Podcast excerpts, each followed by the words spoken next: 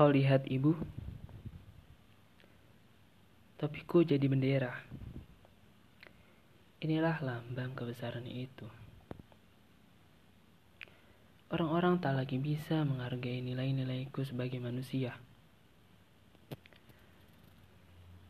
Aku lulus komlot, ibu. Bahkan, para dosenku menggigil membaca skripsiku. Mereka tidak mendengarkan apa yang kubicarakan. Mereka seperti orang-orang linglung, seperti patung-patung ini, Ibu. Anakku menunjukkan ijazah-ijazahnya yang dijepit dengan kayu.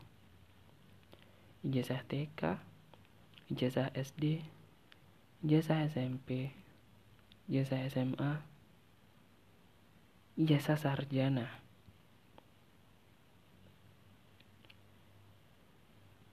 Orang-orang tidak lagi bisa membuatkan aku tempat.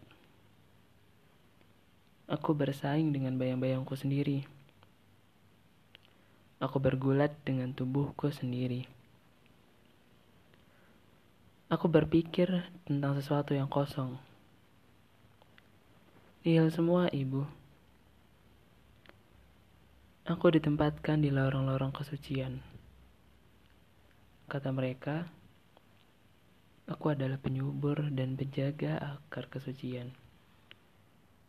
Lihat, ibu, apa yang berada dalam genggaman tanganku. Kebesaran dan rahasia negeri ini. Putu Saiful Hajar terus berteriak. Berkoar tentang keinginannya membuat pameran instalasi kamar kecil di seluruh sungai yang ada di negeri ini. Dia hanyutkan gulungan ijazahnya. Dia robek-robek bajunya. Dia bakar jubah wisudanya. Semua ini tak bisa memberiku hidup, Ibu. Teriaknya sambil menaburkan bunga-bunga Kamboja ketika atribut-atribut kemanusiaannya mulai berubah menjadi debu.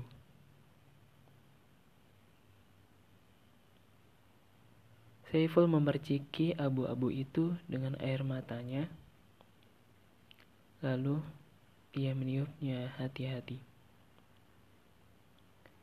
Abu-abu berterbangan makin tinggi dan membumbung mencium langit. Daun-daun memeluknya erat.